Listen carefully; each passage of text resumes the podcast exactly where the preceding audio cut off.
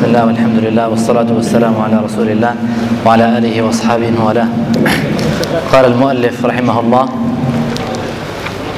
ولا يحرفون الكلمة عن مواضعه بحمل اليدين على النعمتين أو القوتين تحريف المعتزلة الجهمية أهلكهم الله ولا يكيفونهما بكيف أو شبه بكيف أو شبهها بأيدي المخلوقين تشبيها مشبها خذلهم الله. ولا. ولا يكيفونهما بكيف أو شبهها بأيدي المخلوقين تشبيها مشبها خذلهم الله. بسم الله الرحمن الرحيم وصلى الله وسلم وبارك على نبينا محمد وعلى آله وأصحابه ومن تبعهم بإحسان إلى يوم الدين أما بعد. فتقدم معنا عقيدة أهل السنة والجماعة في مسائل الأسماء والصفات. أنهم يثبتونها لله سبحانه وتعالى. وهذا الإثبات لا يتضمن تكييفا ولا تشبيها ولا تمثيلا. كذلك أيضا فإنهم لا يجعلون الصفات معطلة من جهة من جهة المعنى بلا حقيقة بل يثبتونها ويثبتون لها حقيقة وكذلك أيضا ويثبتون أثرها.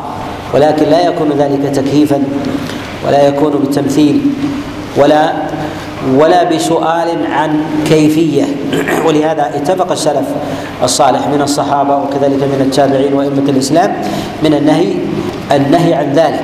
وقد جاء ذلك وقد جاء ذلك عن جماعة كما جاء عن أسماء عليه رضوان الله.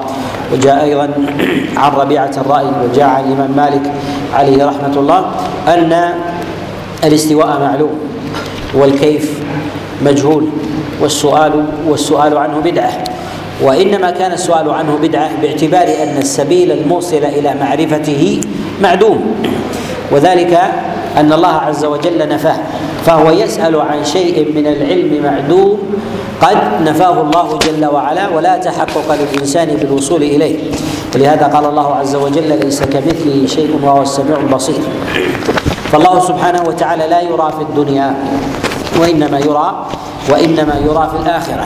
وإذا كان لا يرى في الدنيا والله عز وجل نفى الشبيه. حينئذ لا يمكن أن يتحقق للانسان معرفة الصفة على على الكيفية التي على الكيفية التي هي عليها. وأما مناهج أهل البدع والضلال في ذلك فإنهم على على طوائف. منهم من هو معطل. وهذه الطائفة التي عطلت صفات الله عز وجل ذلك أنه قد انقدح في اذهانهم انقدح في اذهانهم شيء من المعاني الفاسدة فمن لوازم التشبيه أو التشبيه في ذاته ونفوا صفات الله عز وجل وعطلوها وعطلوها عن وعطلوها عن حقيقتها. ومنهم المثبتة ولكنهم يشبهون الخالق بالمخلوق. فيجعلون لله عز وجل يد ويقولون كأيدينا ويجعلون لله عز وجل سمع يقولون كسمعنا وبصر كبصرنا وقدم كقدمنا وأصبع كإصبعنا وغير ذلك من وغير ذلك من الصفات. ولا شك أن الطائفتين هم من أهل من أهل الضلال في هذا. لمخالفتهم لظاهر كلام الله سبحانه وتعالى فالله عز وجل في قوله ليس كمثله شيء وهو السميع البصير. نفى وأثبت نفى الشبيه والمثيل وأثبت الصفة له سبحانه وتعالى. فأثبت له جل وعلا السمع وهو مشتق من اسمه جل وعلا السميع وكذلك أيضا البصير. اشتق الله عز وجل اشتق الله عز وجل ذلك من صفته من صفة البصر. ولهذا نقول إن أهل السنة في ذلك يثبتون هذا ولا يكيفون. فينافون فينافون ويخالفون المعطلين من جهة الإثبات ويخالفون أيضا ويفارقون المشبهين من جهة من جهة التشبيه فينفون تشبيه الله عز وجل بغيره من بغيره من المخلوقين. وتقدم الإشارة معنا أيضا أن الإنسان إذا حل مسألة التشبيه وما ينقدح في ذهنه وأن إدراك الإنسان إنما إنما إنما يدور حول المحسوسات فإن فإن التشبيه تابع لذلك فإذا حل ذلك الأمر فإن لوازم تلك الصفات في ذلك لوازم تلك الصفات في ذلك منتفية عند الإنسان حينئذ لا يرتد. لا يرتد في هذا على نفي الصفة أو جعل الله عز وجل شبيها شبيها لخلقه تعالى. الله عز وجل عن ذلك علوا علوا كبيرا. ونجد الطوائف من المنتسبين لأهل السنة في ذلك. منهم من يجعل لوازم الصفة في ذلك لازما لازما لها فيقوم باثبات بإثبات اللازم. نقول الصفة تثبت على ما هي عليه ويثبت لها الحقيقة ويثبت لها الأثر. فنقول إن لله عز وجل عين وله سمع وله بصر وله سبحانه وتعالى يد وله أصبع وغير ذلك. ونثبت لها حقيقة ولكن هذه الحقيقة لا يعلمها إلا الله. ونثبت لها أثرا ونثبت لها أثرا. وهذا الأثر لا نحيط به بجميعه وإنما ببعضه. فالله عز وجل بعينه يرى ويرعى ويحفظ ويكفي عباده سبحانه وتعالى. وكذلك فإن صفة الله عز وجل من جهة سمعه يسمع الله جل وعلا الأصوات على اختلافها. فهذا من آثار تلك تلك الصفة. ولكن هذه الصفة لا نحيط بجميع بجميع آثارها فنثبت ما بلغنا ما بلغنا منها. ونتوقف عن اللوازم الواردة في ذلك لكل صفة يدل الدليل يدل الدليل عليها. والمبالغة في هذا جاء عن بعض الأئمة المبالغة في مثل هذه الصفات وجعل الصفة إذا ثبتت أنها تلزم لصفة لصفة أخرى ونحو ذلك فنقول إن هذا فيه فيه نظر. ولهذا جاء في كلام بعض أهل العلم ما يتعلق بالجسم لله سبحانه وتعالى. قالوا وذلك أننا إذا أثبتنا صفة اليد لله عز وجل وكذلك القدم والساق والأصبع وغير ذلك فإنه يلزم من ذلك من ذلك جسم. نقول هذا قدر زائد أو ليس بزائد؟ هو قدر زائد زائد في هذا. نتوقف عن إثباته ولا ننفيه نتوقف عن إثباته إثباته ولا نفيه لأن الإثبات والنفي يلزم من ذلك السمع. ولا دليل ولا دليل في هذا ولا دليل في هذا. كذلك أيضا إثبات صفة الشم كما في قوله عليه الصلاة والسلام لخلوف فم الصائم أطيب عند الله من رائحة المسك. هل يلزم من ذلك؟ يلزم من ذلك صفة إثبات الشم قال بهذا بعض أهل العلم ولكن نقول إن هذا لازم ليس ليس بلازم لأن الله سبحانه وتعالى الله عز وجل لم يذكر في كتابه ولا نبيه صلى الله عليه وسلم هذه الصفة حينئذ لا نثبتها ولا ولا ننفيها باعتبار عدم ورود ورود الدليل الدليل في ذلك. لا ننفيها باعتبار أنها ليست ليست بصفة نقص. ولا نثبتها لعدم وجود لعدم وجود الدليل في ذلك. وكذلك أيضا ما يأتي في آه، بعض الأئمة آه، من المنتسبين لاهل لأهل السنة وهم يسمون بغلاة غلاة المثبتة. غلاة المثبتة.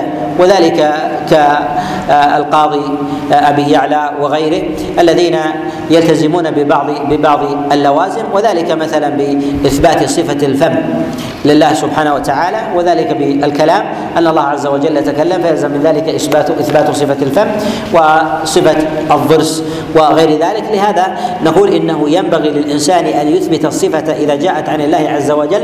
فالله متكلم. فالله متكلم سبحانه وتعالى كما شاء. وهل لنا أن نقول أنه يلزم من صفة من صفة الكلام إثبات صفة الفم؟ نقول إن هذا قدر زائد عن الإثبات قدر زائد عن الإثبات. فلا نثبته لعدم وجود الدليل ولا ننفيه لأنه ليس بصفة نقص. لأنه ليس بصفة نقص. ولهذا نقول إنه ينبغي للإنسان عند ورود دليل من كلام الله أو كلام رسوله صلى الله عليه وسلم في إثبات صفة من الصفات أن يثبتها ولا ياخذ ولا يأخذ بلوازمها. لماذا لا يأخذ بلوازمها؟ لأن لكل لازم لازم. ويتسلسل الإنسان في ذلك في مساله في مسألة الإثبات. ولهذا نقول ان إنه ينبغي للإنسان أن يثبت ما أثبته الله عز وجل لنفسه من غير مقدار زائد من غير مقدار زائد في هذا.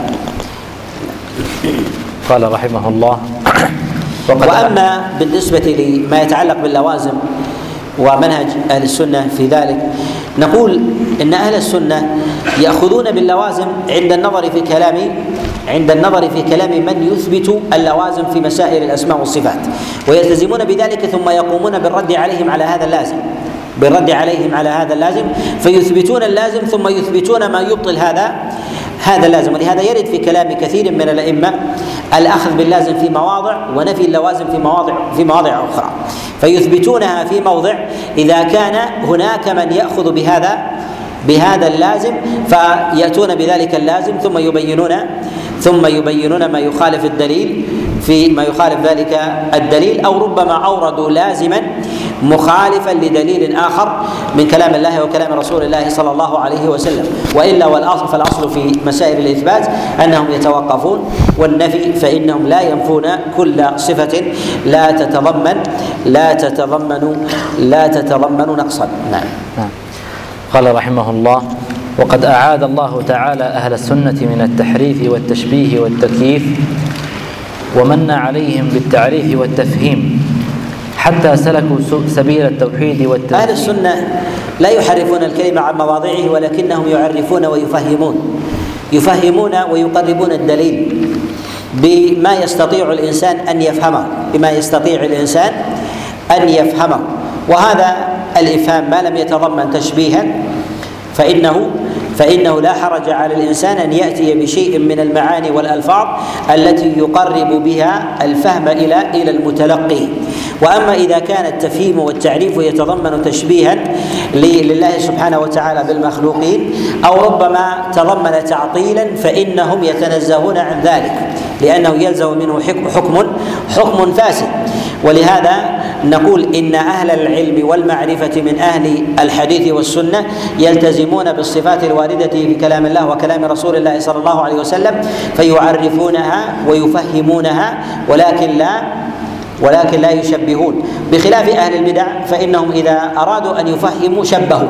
أرادوا أن يفهموا شبهوا فإذا أرادوا أن يبينوا لجاهل صفة اليد أشاروا إلى أيديهم وأشاروا إلى أصابعهم وإذا أرادوا أن يبينوا نزول الله عز وجل أو استوائه أشاروا إلى إلى قعود على عروش أو نزول الإنسان من عتبات أو نحو ذلك. وهذا يلزم وهذا يلزم منه تشبيه الخالق الخالق بالمخلوق تعالى الله عز وجل عن ذلك علوا كبيرا. نعم. نعم. قال ومن عليهم بالتعريف والتفهيم حتى سلكوا سبيل التوحيد والتنزيه وتركوا القول بالتعطيل والتشبيه. ويقول هنا سلكوا طريق التوحيد والتنزيه. التوحيد هو أن أن نقر وأن نعتقد أن الله سبحانه وتعالى واحد واحد في أسمائه وصفاته. ومعنى واحد في أسمائه وصفاته أن الله جل وعلا أن الله سبحانه وتعالى لا يشاركه في هذه الصفة أحد وهذا مقتضى نفي التشبيه والتمثيل. نفي التشبيه والتمثيل. وذلك أننا إذا نفينا الشبيه والمثيل لله عز وجل هذا دليل أن الله عز وجل واحد لا يشاركه في صفته أحد من عباده. لا يشاركه أحد من عباده سبحانه سبحانه وتعالى.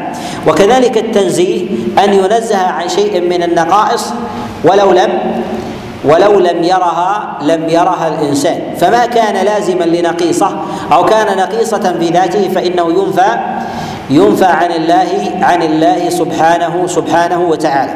ولهذا يقول العلماء إن التوحيد هو إفراد الله عز وجل في ربوبيته وألوهيته وأسمائه وأسمائه وصفاته. ومعنى إفراد الله في أسمائه وصفاته أن تثبت هذه الصفة لله سبحانه وتعالى وذلك الاسم لله عز وجل وحده لا شريك له أي لا يشاركه في هذه الصفة أحد من خلقه سبحانه وتعالى. فسمعه يختلف عن سمع المخلوقين وبصره يختلف عن بصر المخلوقين وسائر صفاته كذلك. نعم.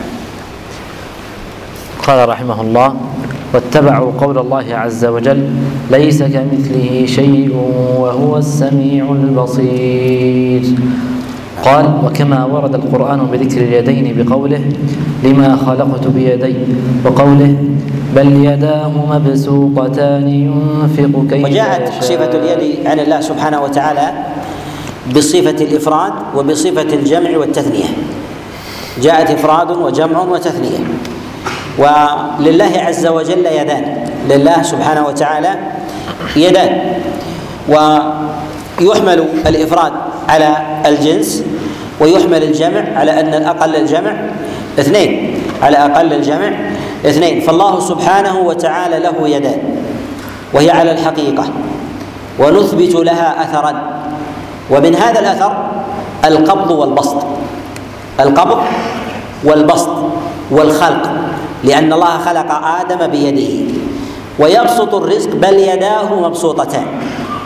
لهذا نقول هذا من آثار من آثار هذه الصفة.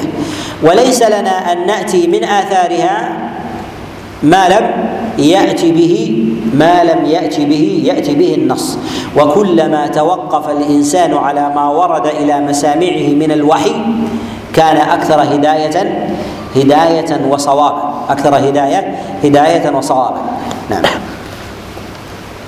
قال ووردت الأخبار الصحاح عن رسول الله صلى الله عليه وسلم بذكر اليد كخبر محاجة موسى وآدم وقوله له خلقك الله بيده وأسجد لك ملائكته ومثل قوله صلى الله عليه وسلم لا أجعل صالح ذرية من خلقته بيدي خلقك الله بيده وذكر هنا على سبيل الإفراد المراد بذلك هو هو جنس اليد. وإذا ذكر العدد مثنى إذا ذكر العدد مثنى فإنه لا يحتمل حصره بالإفراد ولا بأكثر من ذلك. بخلاف الإفراد وبخلاف الجمع فإنه يحمل على المثنى. ولهذا نقول إن المثنى أوسع. إن المثنى أوسع. يسوغ للإنسان أن يطلقه بلفظ الإفراد ويسوغ للإنسان أن يذكره بلفظ الجمع. فهو يحتوي الإفراد ويحتوي الجمع والإفراد لا يحتوي لا يحتمل التثنية بكل حال والجمع كذلك لا يحتمل التثنية التثنية بكل حال. فربما يكون أكثر من ذلك ولكن إذا جاء التثنيه في موضع كما في قوله بل يداه مبسوطتان أن المراد بذلك هو هذا هذا العدد. نعم. نعم. ومثل قوله صلى الله عليه وسلم لا أجعل صالح ذرية من خلقته بيدي كبيدي كما قلت له كن, كن فكان. وقوله صلى الله عليه وسلم خلق الله الفردوس بيده. وكذلك يقولون في جميع الصفات التي نزل بذكرها القرآن ووردت به الأخبار الصحاح من السمع والبصر والعين والوجه والعلم والقوة والقدرة إنما تقدم الإشارة معنا أن البدع إنما ظهرت في مسائل العقائد وكذلك أيضا في أقوال الفقه. إنما ظهرت عند أهل العجمة لما انتشر الإسلام. ولهذا نجد أن الصحابة لما كانوا في المدينة ولم يكن ثمة امتداد للفتوحات الإسلامية كان أهل المدينة على مذهب واحد وعلى قول واحد. ولهذا تجد أن الخلاف لدى المدنيين قليل. الخلاف لدى المدنيين قليل حتى في مسائل الفقه بخلاف غيرهم. وحينما اتسعت رقعة الإسلام ودخل في ذلك العجم تبنى كثير منهم بعض المسائل في العقائد وكذلك في الفروع المخالفة لظواهر لظواهر الأدلة. ولهذا تجد بدعة القدر وما يتعلق أيضا بمسائل الجهمية وكذلك أيضا آه، في مسائل آه، في مسائل الرفض وغير ذلك وكذلك الخوارج أن أصول هذه العقائد إنما كانت إنما كانت من من من من عجم. إنما كانت إنما كانت من عجم أخذوا الأدلة فخالفوا أمر الله سبحانه وتعالى. كذلك أيضا تجد أن الإجماع عند المدنيين أكثر من غيرهم. أن الإجماع عند المدنيين أكثر من غيرهم لكون العرب فيهم أكثر. العرب فيهم أكثر. ولهذا تجد حتى الأقوال الشاذة في مخالفة الإجماع تجدها في غير المدينة تجدها في غير المدينة تجدها عند الكوفيين عند البصريين عند البغداديين عند الشاميين عند المصريين أو نحو ذلك وهكذا. أما في أهل المدينة فتجد أن الخلاف في مخالفة الإجماع أن هذا أن نادر أو أو يكون أو يكون معدوما. وان أنه لا يكاد يصح عن فقيه مدني في التابعين وكذلك أتباع التابعين أنه خرق الإجماع. أنه خرق الإجماع. وأما المخالفات لغيره من أهل البلدان فهذا فهذا يرد وإن كان ليس ليس بكثير. نعم قال وكذلك يثبت يقولون في جميع الصفات التي نزل بذكرها القرآن ووردت به الأخبار الصحاح. من السمع والبصر والعين والوجه والعلم والقوة والقدرة والعزة والعظمة والإرادة والمشيئة والقول والكلام والرضا والسخط والحب والبغض والفرح والضحك وغيرها من غير تشبيه لشيء من ذلك بصفات المربوبين وهذه نثبتها لله سبحانه وتعالى وننفي وننفي عنها النقص. ننفي عنها النقص. فنقول إن الله عز وجل يغضب ويسخط. والنقص الذي ننفيه هو التألم والأذى. التعلم والأذى ننفيه. وكذلك يفرح. وننفي وننفي صفة أو لازم النقص في ذلك وهو اللذة. ننفي ننفي عن ذلك. ولهذا نقول يفرح يفرح وننفي عن هذا اللوازم التي تطرأ على هذا وكذلك أيضا ما يتعلق بالسخط.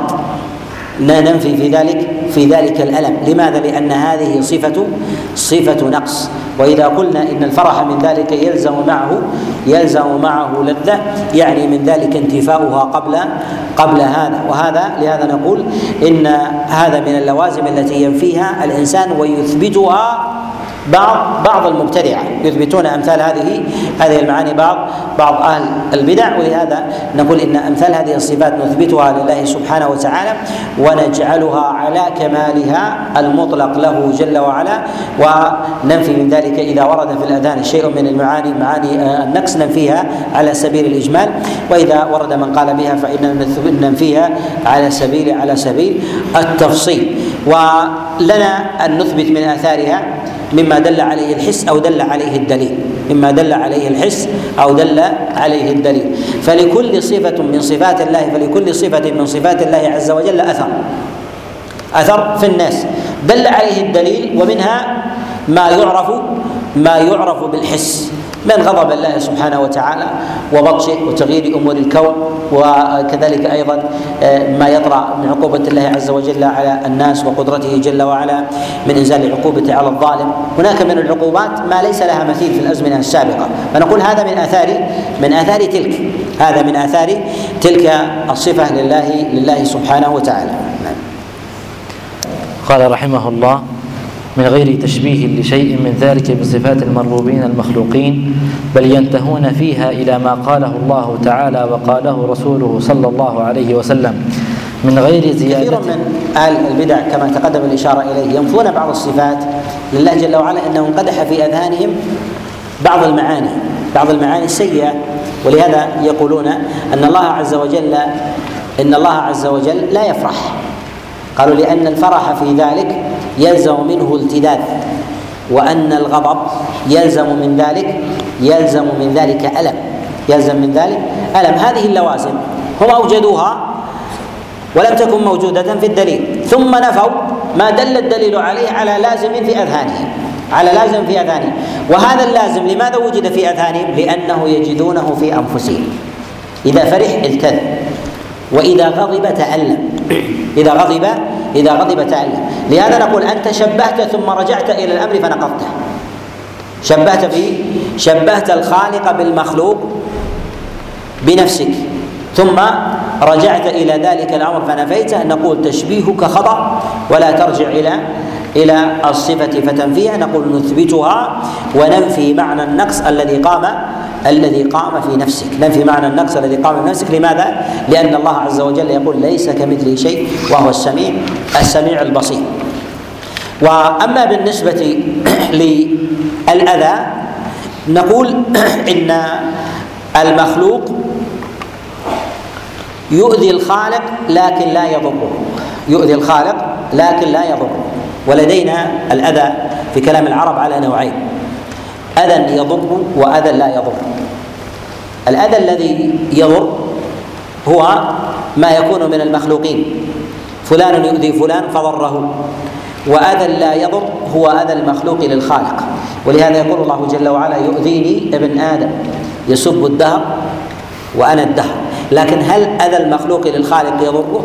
لا يضره. لماذا؟ لأن الله عز وجل يقول لن تبلغوا ضري فتضروني. اذا نقول إن هذا هذا المعنى من الأذى هو مما لا يضر به المخلوق الخالق سبحانه وتعالى.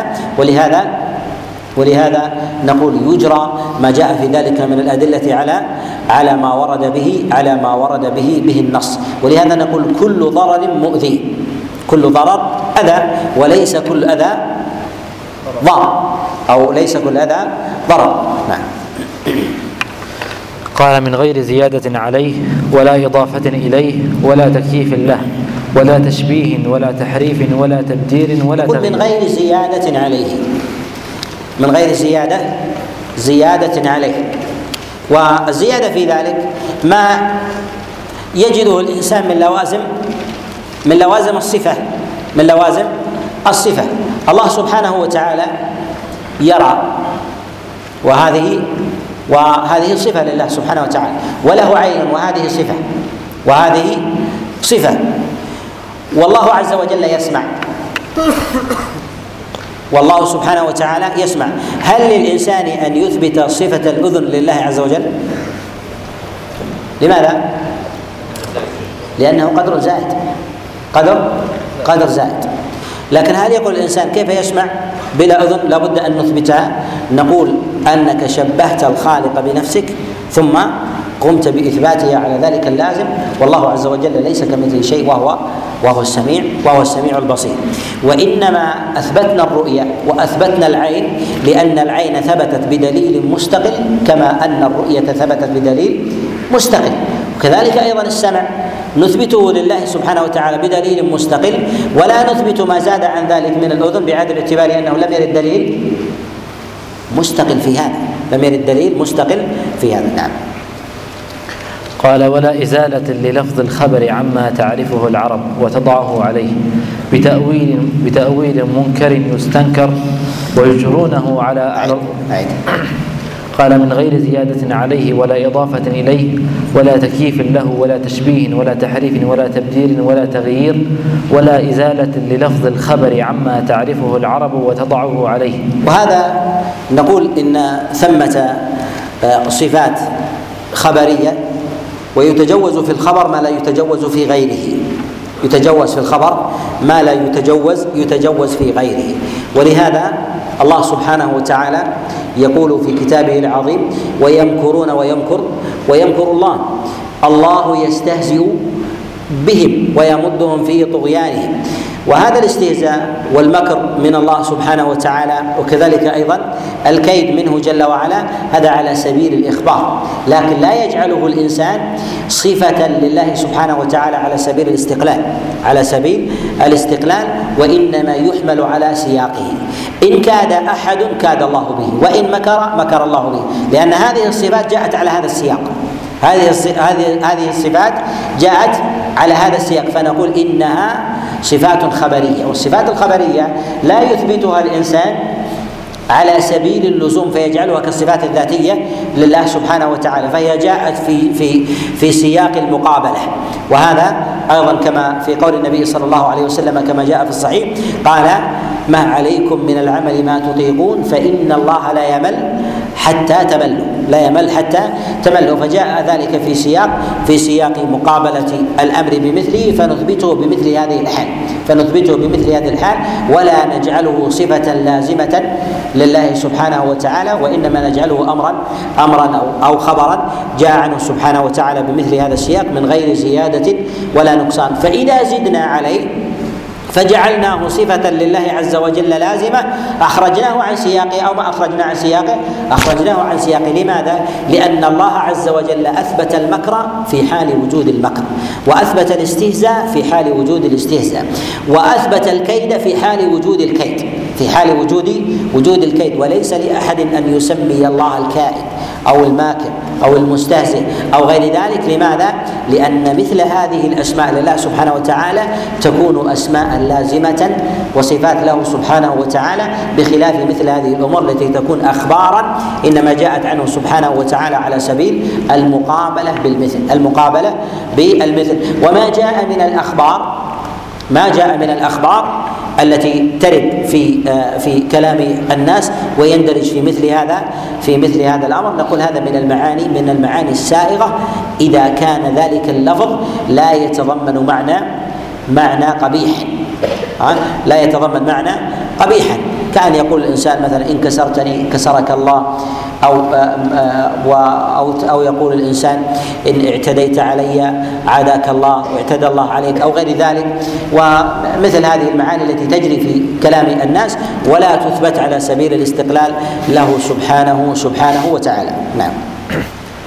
قال ولا إزالة للفظ الخبر عما تعرفه العرب وتضعه عليه بتأويل منكر يستنكر. ويجرونه على ويجرونه على الظاهر ويكلون علمه إلى الله تعالى. ويقرون بأن تأويله لا يعلمه إلا الله كما أخبر الله عن الراسخين في العلم أنهم يقولونه في قوله تعالى والراسخون في العلم يقولون آمنا به وهذا ظاهر في قول الله سبحانه وتعالى والذي أنزل عليك الكتاب منه آيات محكمات هن أم الكتاب وأخر متشابهات. فأما الذين في قلوبهم زيغ فيتبعون ما تشابه منه. ابتغاء الفتنة وابتغاء تأويله وما يعلم تأويله إلا الله. والراسخون في العلم يقولون آمنا به يعني صدقنا بما جاء في كلام الله سبحانه وتعالى من غير زيادة زيادة ولا نقصان. بعض العلماء يجعل صفات الله عز وجل من المتشابه. هل هي من المتشابه أم من المحكم؟ نقول هي محكمة من جهة ومتشابهة من جهة. متشابهة من جهة كيفيتها؟ من جهة الكيفية. متشابهة من جهة الكيفية. فنكل أمرها إلى الله سبحانه وتعالى. وأما محكمة من جهة حقيقتها.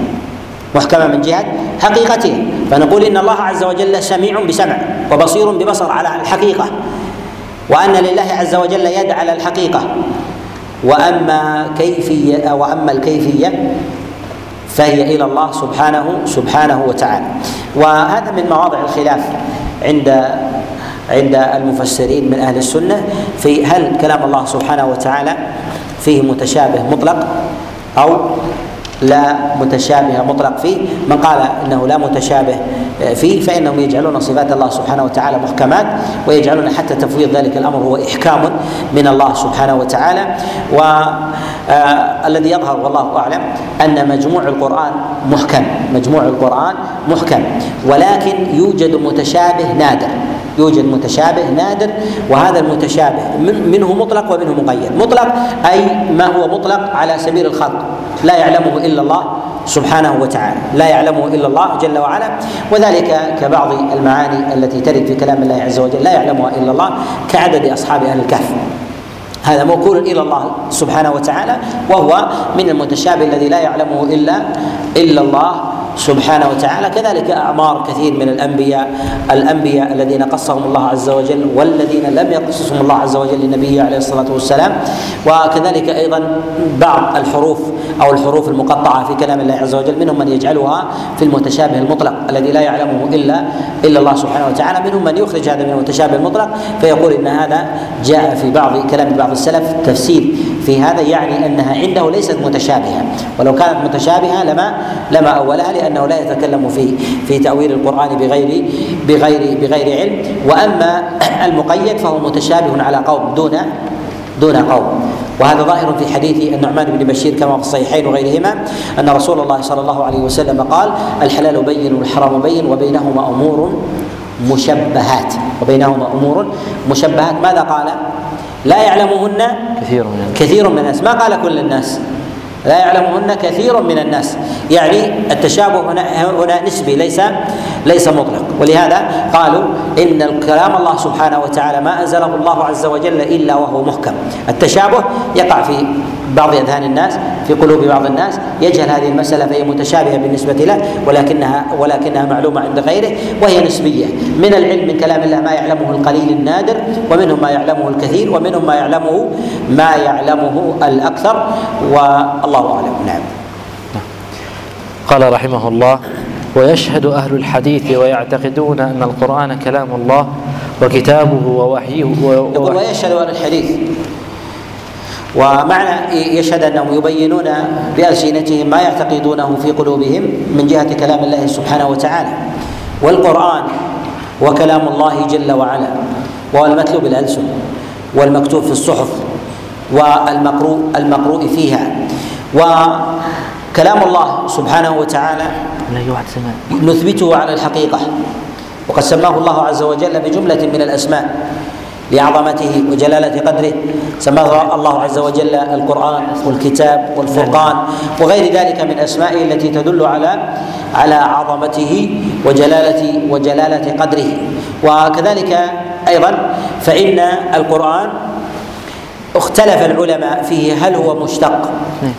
مشتق من قرأ يقرأ قراءة فسمي القرآن كذلك. من العلماء من قال إنه إنه مشتق وهذا قول الأكثر. وهذا قول الأكثر سواء كانوا من أهل اللغة أو من أهل السنة. ويقولون إن الله عز وجل أول ما أنزل على رسوله صلى الله عليه وسلم اقرأ باسم ربك الذي خلق. مراد من ذلك هي قراءة هي قراءة القرآن.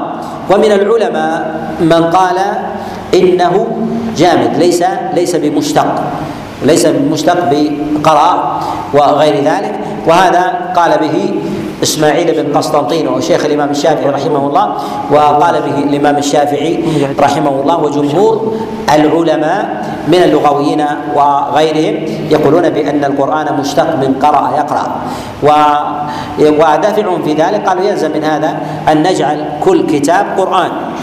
فنجعل السنة قرآن ونجعل الكتب العربية قرآن وكتب الشعر قرآن باعتبار أنها تقرأ لكن نقول إن هذا غلب على هذا الاستعمال غلب هذا على الاستعمال. كقولنا مثلا الكافرون على من خرج عن دين الإسلام مع أنها تدخل في أبواب اللغة في معاني أخرى.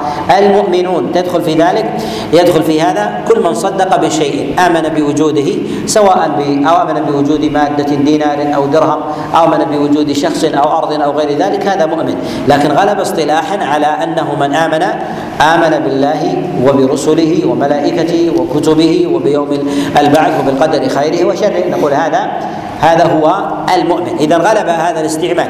وأما من جهة أصل اللغة فهو يدخل فيما هو أوسع أوسع من ذلك. كذلك أيضا لفظ القرآن. فنقول إنه مشتق من من هذا من هذا المعنى. وكذلك أيضا فإنه يقولون إنه لا لا يهمز في لغة في في لغة مكة. ونقول إن هذه هذا الهمز يرد أيضا في غيرها من الألفاظ كلفظ أيضا المؤمنين. المؤمنون أهل مكة يقولون المؤمنون والمؤمنون وكذلك القرآن والقرآن. وهي كلها وكلها نطق نطق صحيح. فهل ننفي نقول أن المؤمنين ليست مشتقه باعتبار أنها تجري على هذا الوجه؟ نقول بل هي مشتقة من آمن يؤمن أي صدق صدق بما بما علم. نعم. قال رحمه الله ويعتقدون أن القرآن كلام الله وكتابه ووحيه وتنزيله غير مخلوق. يقول أن القرآن كلام الله. والله عز وجل تكلم سبحانه وتعالى على الحقيقة. يقول وهو كتابه وهو المكتوب في اللوح عنده سبحانه وتعالى. وهو المتلو بالألسن وهو المحفوظ في الصدور. ولهذا الله عز وجل يقول عن تلاوته فإذا قرئ القرآن فاستمعوا له. فسمى المقروء قرآنا وهو كلامه جل وعلا.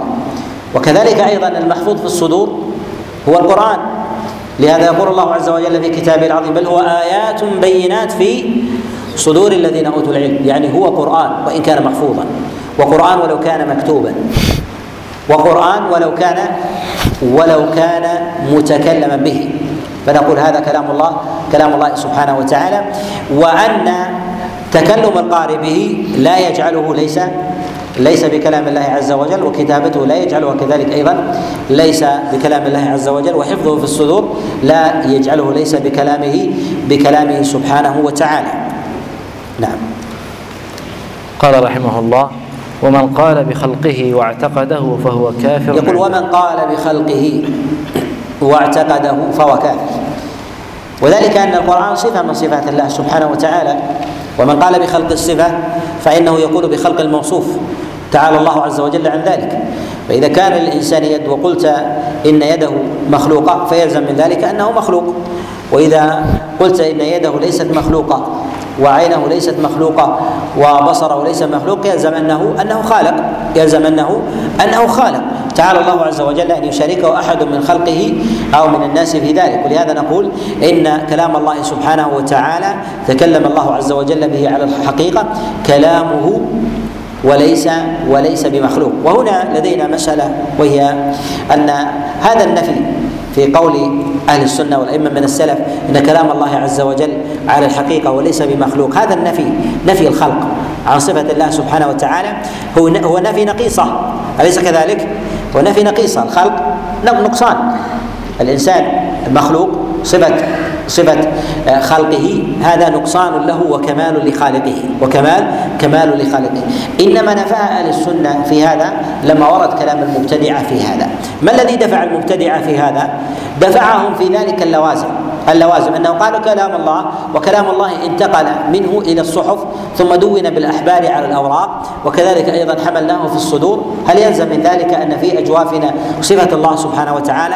تكلمنا ونطقنا بهذا الكلام بألسنتنا وشفاهنا وما تخلل ذلك من لعابنا. هل هذا كلام الله سبحانه وتعالى؟ جرى من ذلك من اللوازم الذي نفوا أن يكون ذلك أن يكون ذلك صفة له سبحانه وتعالى بل قالوا قالوا هو مخلوق. قالوا والله عز وجل خلق القرآن كما خلق الجبال وخلق الأنهار وخلق السحاب وغير ذلك وجعلها وجعلها آيات. دفعهم في هذا ما يروه من تحوله. فحينما يرون الجبال تتغير وتنقلب قالوا حينئذ هذه مخلوقة يلزم من ذلك أيضا القرآن. حينما يتغير من حال إلى حال يلزم من ذلك أن يكون أن يكون أن يكون مخلوقا. وإنما نفى أهل السنة والسلف الصالح في ذلك أن القرآن ليس ليس بمخلوق لما اظهروا الخلق. وإلا هذه المسألة هي مسكوت مسكوت عنها. لماذا مسكوت عنها في زمن الصحابة؟ لأنهم لا يريدون مثلا صفة اليد ويقولون ليست مخلوقة. لماذا؟ لأنه يلزم من الصفة أن تكون من الموصوف. أن تكون من الموصوف ولا ولا يخاض فيما عدا ذلك. ولكن لما بعد الناس عن لغة العرب وطرأت مثل هذه الأقوال في كلام المبتدعة جاء العلماء بنفي تلك الألفاظ. جاء بنفي تلك الألفاظ. فإذا وجد أحد من الناس يثبت صفة لله عز وجل أو ينفي عنه صفة من صفاته نأتي وننقضها ولو لم نكن قبل ذلك قد أوردناها. ولو لم نكن قبل قبل ذلك أوردناها. لماذا؟ لأننا لأننا لا ننفي على سبيل التفصيل وإنما على سبيل الإجمال. لأن النفي على سبيل التفصيل نقصان. نقصان. ولهذا كما تقدم الإشارة إليه إذا أردت أن تمدح شخص هل تنفي النقائص عنه على سبيل التفصيل أو تنفي على سبيل الإجمال؟ إذا رجل ذهب إلى رجل وأراد أن يسأل عنه قد خطب منه ابنته وذهب إليه يسأل عنه جيرانه. إذا أردت أن تمدحه تقول هذا الرجل لا يضرب أمه لم أره مرة ضرب أمه. وما رأيته قتل أحد. وما رأيته سرق. أبدا. ولا يزني. هذا مدح أو ذم؟ ذم. هذا ذم. تنفي عنه النقائص على سبيل الإجمال. تنفي عنه النقائص على سبيل الإجمال وتثبت على سبيل التفصيل. تثبت على سبيل التفصيل المحامد. تقول كريم آه، طيب سخي آه، وغير ذلك من الصفات التي يثبتها يثبتها الإنسان. ولهذا نقول إن السلف الصالح إنما نفوا خلق القرآن ولم تكن واردة عندهم في كلامهم في ذلك إلا بعدما جاء هذا القول. وأول من أعلم من من تكلم في هذه المسألة فيما أعلم وما جاء عن عبد الله بن عباس وجاء عن عبد الله بن مسعود عليهما رضوان الله في هذه المسألة وفي الأسانيد فيها فيها في النفس منها منها شيء. جاء عند قول الله عز وجل قرآنا عربيا غير ذي عوج قال غير مخلوق. جاء ذلك عن عبد الله بن عباس كما رواه ابن جرير الطبري وابن أبي حاتم في كتابه التفسير من حديث علي بن أبي طلحة عن عبد الله بن عباس قال غير ذي عوج قال غير غير مخلوق. وذلك أن هذه المسألة لم تكن قد ظهرت. هذه المسألة لم تكن قد ظهرت في زمن عبد الله بن عباس عليه رضوان الله تعالى وإنما ظهرت بعد بعد بعد ذلك. فالله سبحانه وتعالى متكلم. ونقول إن القرآن كلام الله وهو قول الله. ونصف كذلك أيضا أنه أنه نبأ وقول وكلام. وقال قال الله يا عيسى كلمه ربه فنقول وكلام الله جل وعلا وقوله سبحانه سبحانه وتعالى. وإنما ينفي أهل السنة أنه ليس ليس بمخلوق لظهور هذه المسألة في كلام بعض المبتدعة في هذا الباب. فنفوا هذه المسألة وقالوا من قال كلام الله عز وجل مخلوق فهو كافر لماذا كفروا من قال بأن كلام الله مخلوق؟ لماذا؟ لمخالفته ما استقر وتواتر واستفاض هذا وجه الأمر الثاني أنهم قالوا بخلق الصفة ويلزم من ذلك خلق الموصوف. خلق الموصوف. تعالى الله عز وجل عن ذلك علوا كبيرا نشا بعد ذلك جملة من المسائل في هذا الباب ويأتي الكلام عليها نعم. قال رحمه الله القرآن الذي هو كلام الله ووحيه هو الذي نزل به جبريل على الرسول صلى الله عليه وسلم قرآنا عربيا لقوم يعلمون بشيرا ونذيرا. أراد أن يبين هنا أن القرآن الذي نتكلم عليه وأنه كلام الله وليس بمخلوق هو الذي نزل به جبريل على رسوله صلى الله عليه وسلم. وإنما خص جبريل هنا لأن جبريل هو الموكول بالوحي. لأن جبريل هو الموكول الموكول بالوحي. وما عدا ذلك فإنه ليس ليس ب ليس بكلام الله سبحانه وتعالى وإنما هو حكم الله عز وجل وقضاءه حكم الله جل جل وعلا.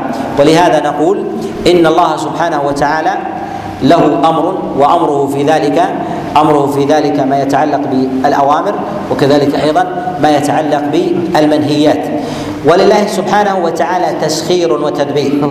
تسخير وتدبير. تدبيره وتسخيره في السماوات والكواكب والأفلاك وتسييرها ونحو ذلك. وهذه مخلوقات لله سبحانه وتعالى. وأما كلامه جل وعلا وأمره ونهيه فهو منه. سبحانه وتعالى منه بدأ وإليه وإليه يعود. نعم, نعم. قال رحمه الله كما قال عز وجل وإنه لتنزيل رب العالمين نزل به الروح الأمين على قلبك لتكون من المنذرين بلسان عربي مبين وهو الذي بلغه الرسول. وهذا ظاهر أيضا في قول الله عز وجل قل من كان عدوا لجبريل فإنه نزله على على قلبك. ينزل الكتاب القرآن الكريم على رسول الله صلى الله عليه وسلم هدى ونور. نعم. قال وهو الذي بلغه الرسول صلى الله عليه وسلم أمته كما أمر به في قوله تعالى يا أيها الرسول بلغ ما أنزل إليك من ربك فكان الذي بلغهم بأمر الله تعالى وهنا جعل المنزل من الله سبحانه وتعالى وهو كلامه لم يتغير ولم يستحل وإنما أمره بأن يبلغه كما جاء يا أيها الرسول بلغ ما أنزل إليك من ربك ما أنزل إليك من غير زيادة أو نقصان لأنه لا يتحكم بكلام الله عز وجل فالله عز وجل حفظ كلامه. حفظ حفظ كلامه. وهنا في قول الله عز وجل إنا نحن نزلنا الذكر وإنا له لحافظون. حفظ الله عز وجل ذكره وهو كلامه سبحانه وتعالى من التغيير والتبديل. وأما ما طرأ في كلام الله عز وجل في التوراة والإنجيل وغيرها مما طرأ عليه التحريف. نقول هل تغير في ذلك وهذا أيضا مما ينقدح في كلام بعض المبتدعه يقولون إن كلام الله عز وجل يغير كما تغير في التوراة والإنجيل فهل يلزم من ذلك تغيير الصفة؟ نقول هم غيروا وغيبوا الحروف غيبوا الحروف المكتوبة غيبوا الحروف المكتوبة باحبال ودونوا حروفا حروفا أخرى. وأما كلام الله سبحانه وتعالى فهو لا يحول ولا يزول. وهو محفوظ عند عنده سبحانه سبحانه وتعالى ولا يغيره لا يغيره شيء. نعم. وفيه قال صلى الله عليه وسلم وهم حملوا هذا التغيير الذي طرأ على على الكتب السماوية السابقة وهي كلام الله سبحانه وتعالى. قالوا كتصرفات الإنسان في الكون في المخلوقات. حينما يغير الإنسان الحجر ويكسره أو الرمل ويقله ويتحول ونحو ذلك نقول هذه مخلوقات وذاك وذاك كلام الخالق سبحانه وتعالى. فالإنسان إنما غير إنما غير المخلوق. إنما غير المخلوق وهي الأحبار والحروف. وأما من جهة الحقيقة فكلام الله عز وجل محفوظ محفوظ عنده. نعم. قال وفيه قال صلى الله عليه وسلم أتمنعونني أن أبلغ كلام ربي؟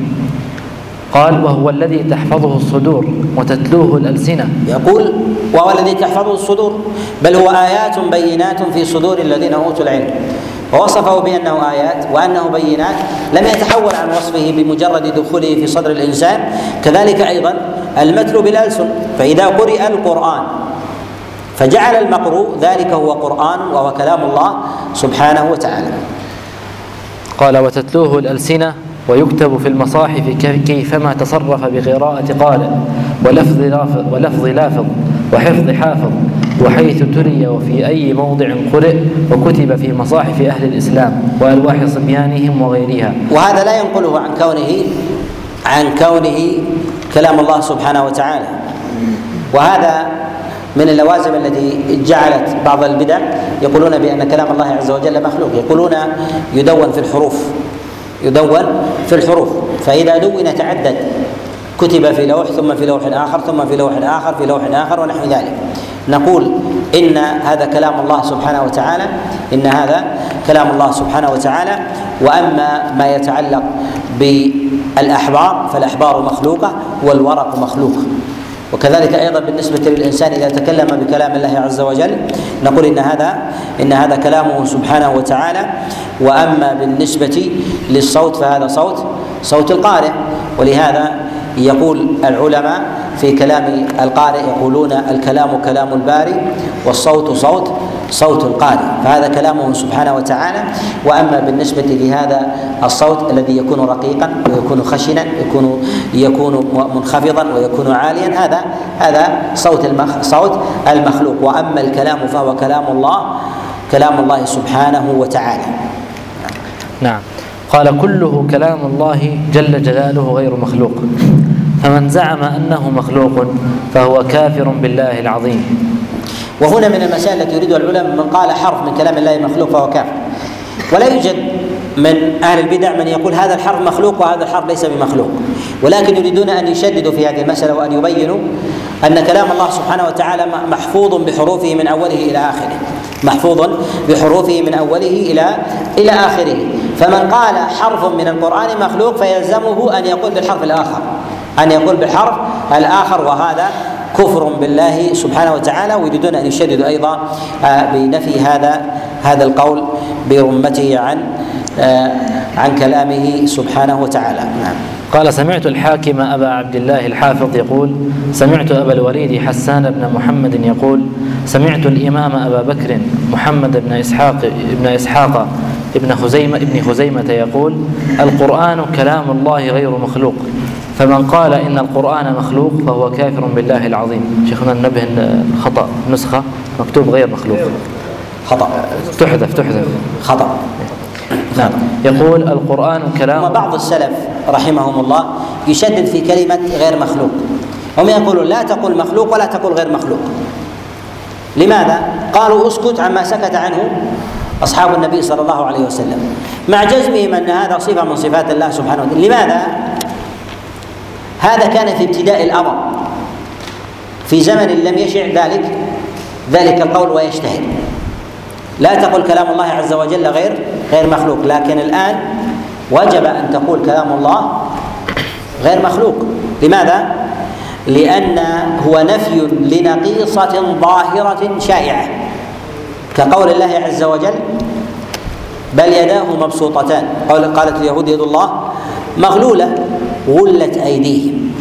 فمثل هذا الأمر ونفيه ونقول يد الله عز وجل ليست ليست مغلولة. هذا نفي لقول عندهم قد اشتهر واستفاض فننفيه. ولكن في بداية الأمر كان العلماء ينفون ذلك الأمر. وينفون أن تقول غير مخلوق ويكفرون من يقول مخلوق. لماذا؟ لأن هذا أمر مسكوت عنه. كحال الإنسان حينما يرد مثلا أن يقول يد الله غير مخلوقة. يد الله غير غير مخلوقة نقول ما الداعي لك بهذا الكلام؟ ما الداعي لك بهذا الكلام؟ هل يوجد أحد قال يد الله مخلوقة؟ إذا قال لا نقول أنت مبتدع. لماذا؟ لأن هذا خوض في تفاصيل لا ينبغي ولا يجوز للإنسان أن يخوض فيها مع الإيمان بأن بأن هذا الأمر حق من جهة اللفظ. وما كل معنى ولفظ صحيح يسوغ للإنسان أن يقوله. يسوغ للإنسان أن إنسان أن يقول كما تقدم الكلام عليه من جهة نفي النقائص على سبيل الإجمال وإثبات آه، المحامد على سبيل على سبيل التفصيل. ولهذا يقول العلماء إن كلام الله على الحقيقة تكلم به الله جل وعلا وهو غير وهو غير مخلوق لما شاع القول بخلقه لما شاع القول القول بخلقه. وهذا تشعب ونما في كثير من قضايا ومسائل الأسماء والصفات ولهذا نقول إن الإنسان إذا أراد أن يفهم القضية والمسألة في مسائل الصفات عليه أن يعرف تسلسل تسلسل هذه هذه المسألة من اين من أين جاءت. من أين جاءت وكيف نشأت من جهة التقعيد الفكري وكذلك أيضا العقلي لدى كثير من الطوائف منها ما يتعلق بالعجمة ومنها ما يتعلق بسوء فهم كلام الله سبحانه وتعالى ومنها ما يتعلق بالتأويل والفتنة. نعم. قال ابن خزيمة القرآن كلام الله غير مخلوق فمن قال إن القرآن مخلوق فهو كافر بالله العظيم. لا تقبل شهادته ولا يعاد إن منض وهذا محل إجماع. وهذا محل إجماع عند أهل السنة. محل إجماع عند أهل السنة. أن من قال أن من قال كلام الله مخلوق أنه كافر بالله سبحانه وتعالى. أنه كافر بالله بالله سبحانه وتعالى. لأن كلام الله يجمع على أنه صفة من صفاته ويلزم من هذا القول قول فاسد وهو أن الصفة مخلوقة والموصوف مخلوق تعالى الله عن ذلك. نعم. قال ولا يصلى عليه إن مات ولا يدفن في مقابر المسلمين يستتاب فإن تاب وإلا ضربت عنقه. قال معنى قوله لا يصلى عليه ولا يدفن في مقابر المسلمين باعتبار أنه داخل في دائره في دائرة الزندقة فلم يجتمع معهم في الحياة فلا يجتمع أيضا في مواضعهم في في الممات. وللمسلمين مقابر وللكفار مقابر. للمسلمين مقابر الكفار وللكفار مقابر. وفي حياته يستتاب فإن تاب والا وإلا ضربت عنقه لكونه سلك طريق طريق الزندقة. سلك طريق الزندقة. وأما مسألة الاستتابة يقولون لوجود شبهة عنده لوجود شبهة عنده يستتاب. والعلماء يختلفون في مسألة توبة الزنديق وكذلك أيضا استتابته. منهم من يقول إنه يستتاب ومنهم من يقول إنه لا لا يستتاب لا يستتاب في ذلك. والاستتابة ثابتة وهي محل إجماع. محل إجماع في في مسألة اصل الاستتابة. ولكن يختلفون في تنزيلها ويختلفون في عددها. هل تنزل على كل كافر يستتاب منهم؟ من قال لا تنزل على كل على كل أحد. قالوا من سب الله عز وجل أو سب نبيه منهم من قال لا يستتاب وهذا قول الجمهور. ومنهم من قال إنه يستتاب ومنهم من قال يستتاب مرة واحدة ومنهم من قال يستتاب ثلاثا. جاء عن عمر بن الخطاب وعلي بن أبي طالب في الاستتابة ثلاثا ولا يثبت في ذلك شيء من من كلام الله عز وجل وكلام رسول الله صلى الله عليه وسلم.